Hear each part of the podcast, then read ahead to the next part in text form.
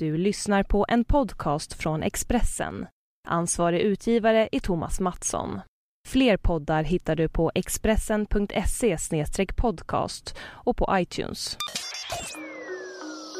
Det här är Expressen Dokument om att nätskurken Kafka spårades till Sverige av Daniel Goldberg och Linus Larsson som jag, Johan Bengtsson, läser upp. När Secret Service stängde ner det kriminella nätforumet Shadow Crew spårades en av bedragarna till Mjölby i Östergötland. I reportageboken Korthuset av Daniel Goldberg och Linus Larsson avslöjas den okända Sverigekopplingen i en av nätets största brottshärvor. Expressen publicerar här ett längre utdrag.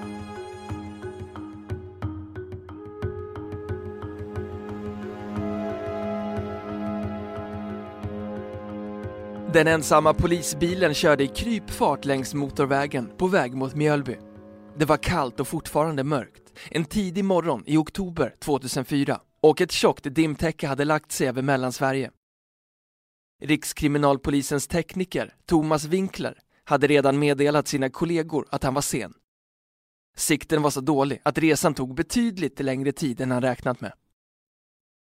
Inne på polisstationen i Mjölby var det varmare även om stämningen i rummet var något frostig. Kanske berodde det på att klockan var halv sex på morgonen.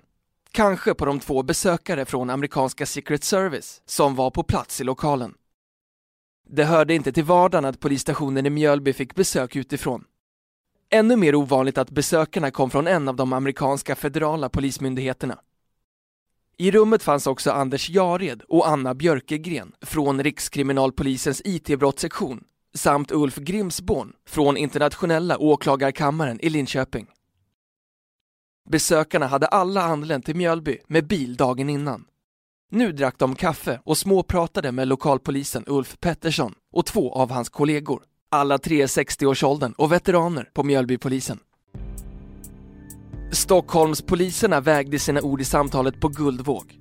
Även amerikanerna hade lagt an en ödmjuk, försiktig ton Risken för konflikt var alltid stor när kriminalpoliser från storstan träffade kollegor ute i landet.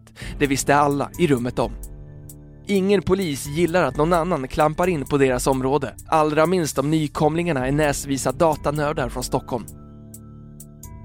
Som IT-forensiker, det vill säga kriminalpoliser specialiserade på fall med koppling till internet och datorer, fick Anders Jared och Anna Björkegren inte sällan den stämpeln per automatik. Den här morgonen var det viktigt att alla i rummet kom överens. Därför gällde det att hålla sig borta från ömma tår. Från sin plats i rummet sneglade Ulf Pettersson på gästerna. Han hade arbetat på polisen i Östergötland sedan 1964. Ändå kunde han inte låta bli att imponeras av sällskapet. Amerikanerna hade gjort sitt bästa för att smälta in. Liksom svenskarna var de civilklädda i jeans och vinterjackor. Den enda som stack ut var kammaråklagare Ulf Grimsborn i sin svarta kostym och sin vita skjorta såg han ut som en begravningsentreprenör, tyckte Ulf Pettersson. Är det någon som har dött? skulle en poliskollega anmärka senare under dagen. De flesta förknippar Secret Service med den amerikanska presidentens livvaktsskydd. De män i svarta kostymer och hörsnäckor i öronen som syns i kulisserna vid offentliga framträdanden. Det är inte fel. Förutom att skydda sin egen statschef ansvarar Secret Service också för säkerheten kring andra politiker som besöker USA. Men inte hela bilden. Mindre känt är att Secret Service skapades för att skydda den amerikanska dollarn mot falskmynteri.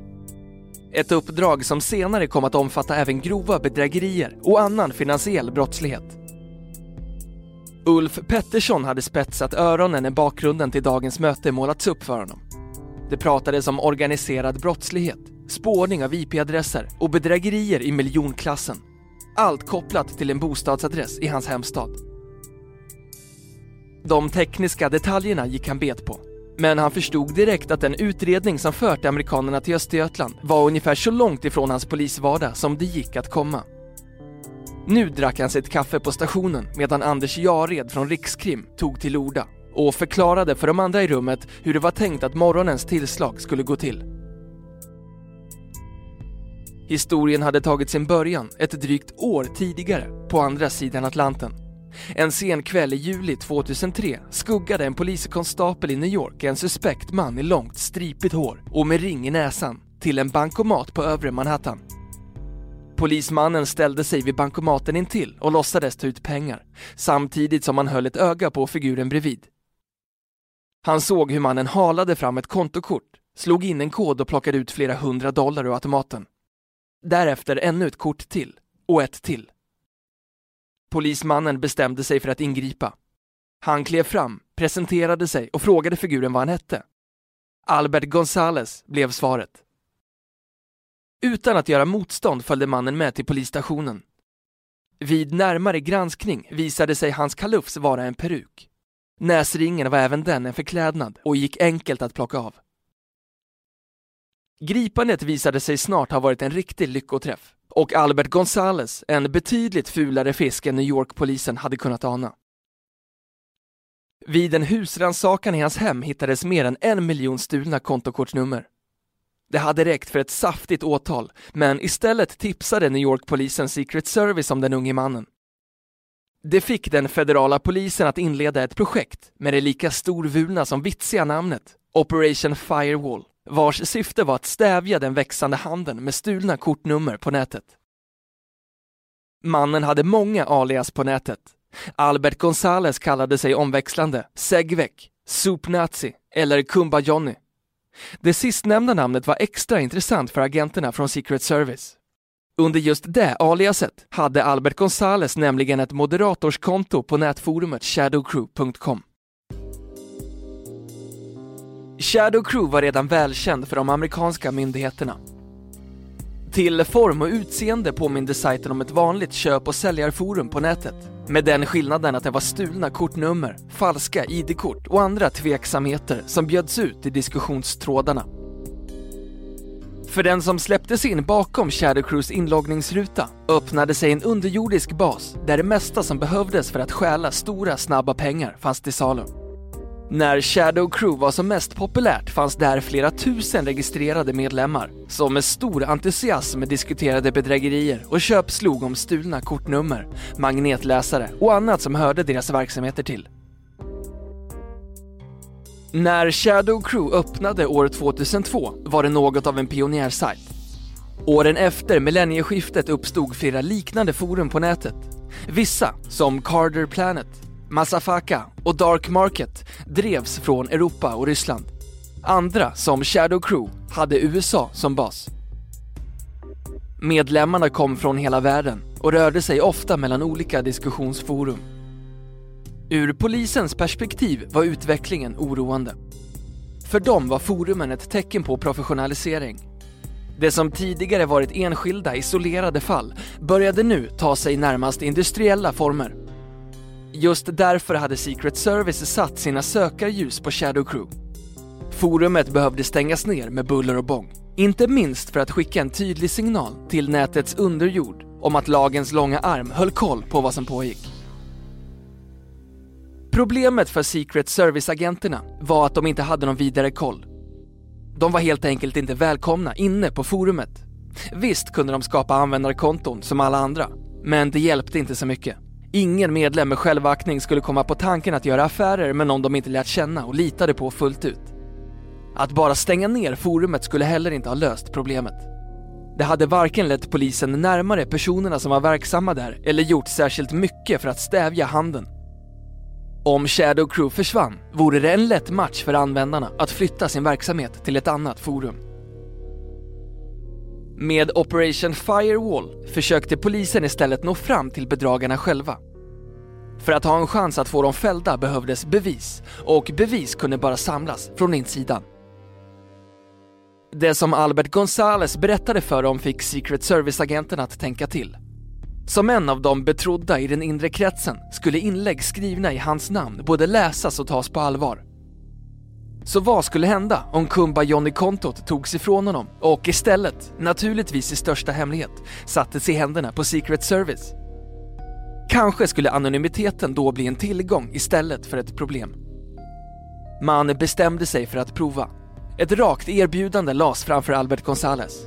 Jobba med oss eller tillbringa två decennier bakom lås och bom. Inte helt oväntat valde 22-åringen det förstnämnda och ställde sitt konto till agenternas förfogande. Ett par knapptryckningar senare var allt klart. Albert Gonzales var inloggad på forumet med agenterna hängandes över sin axel.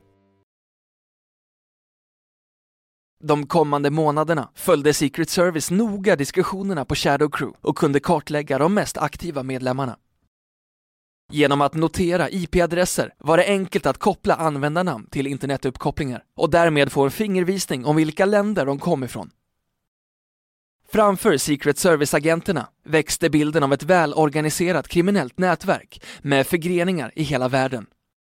Förutom USA och Ryssland fanns kopplingar till Storbritannien, Kanada, Vitryssland, Bulgarien, Polen, Ukraina, Nederländerna och till Sverige.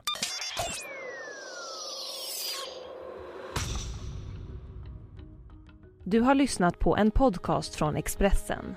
Ansvarig utgivare är Thomas Mattsson. Fler poddar finns på Expressen.se och på iTunes.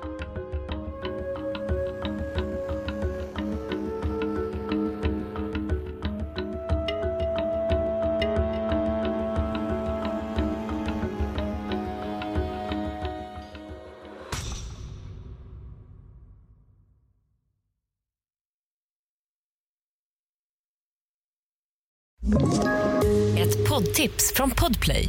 I fallen jag aldrig glömmer djupdyker Hasse Aro i arbetet bakom några av Sveriges mest uppseendeväckande brottsutredningar. Går vi in med hemlig telefonavlyssning och, och då upplever vi att vi får en total förändring av hans beteende. Vad är det som händer nu? Vem är det som läcker? Och så säger han att jag är kriminell, jag har varit kriminell i hela mitt liv men att mörda ett barn, där går min gräns. Nya säsongen av Fallen jag aldrig glömmer på Podplay.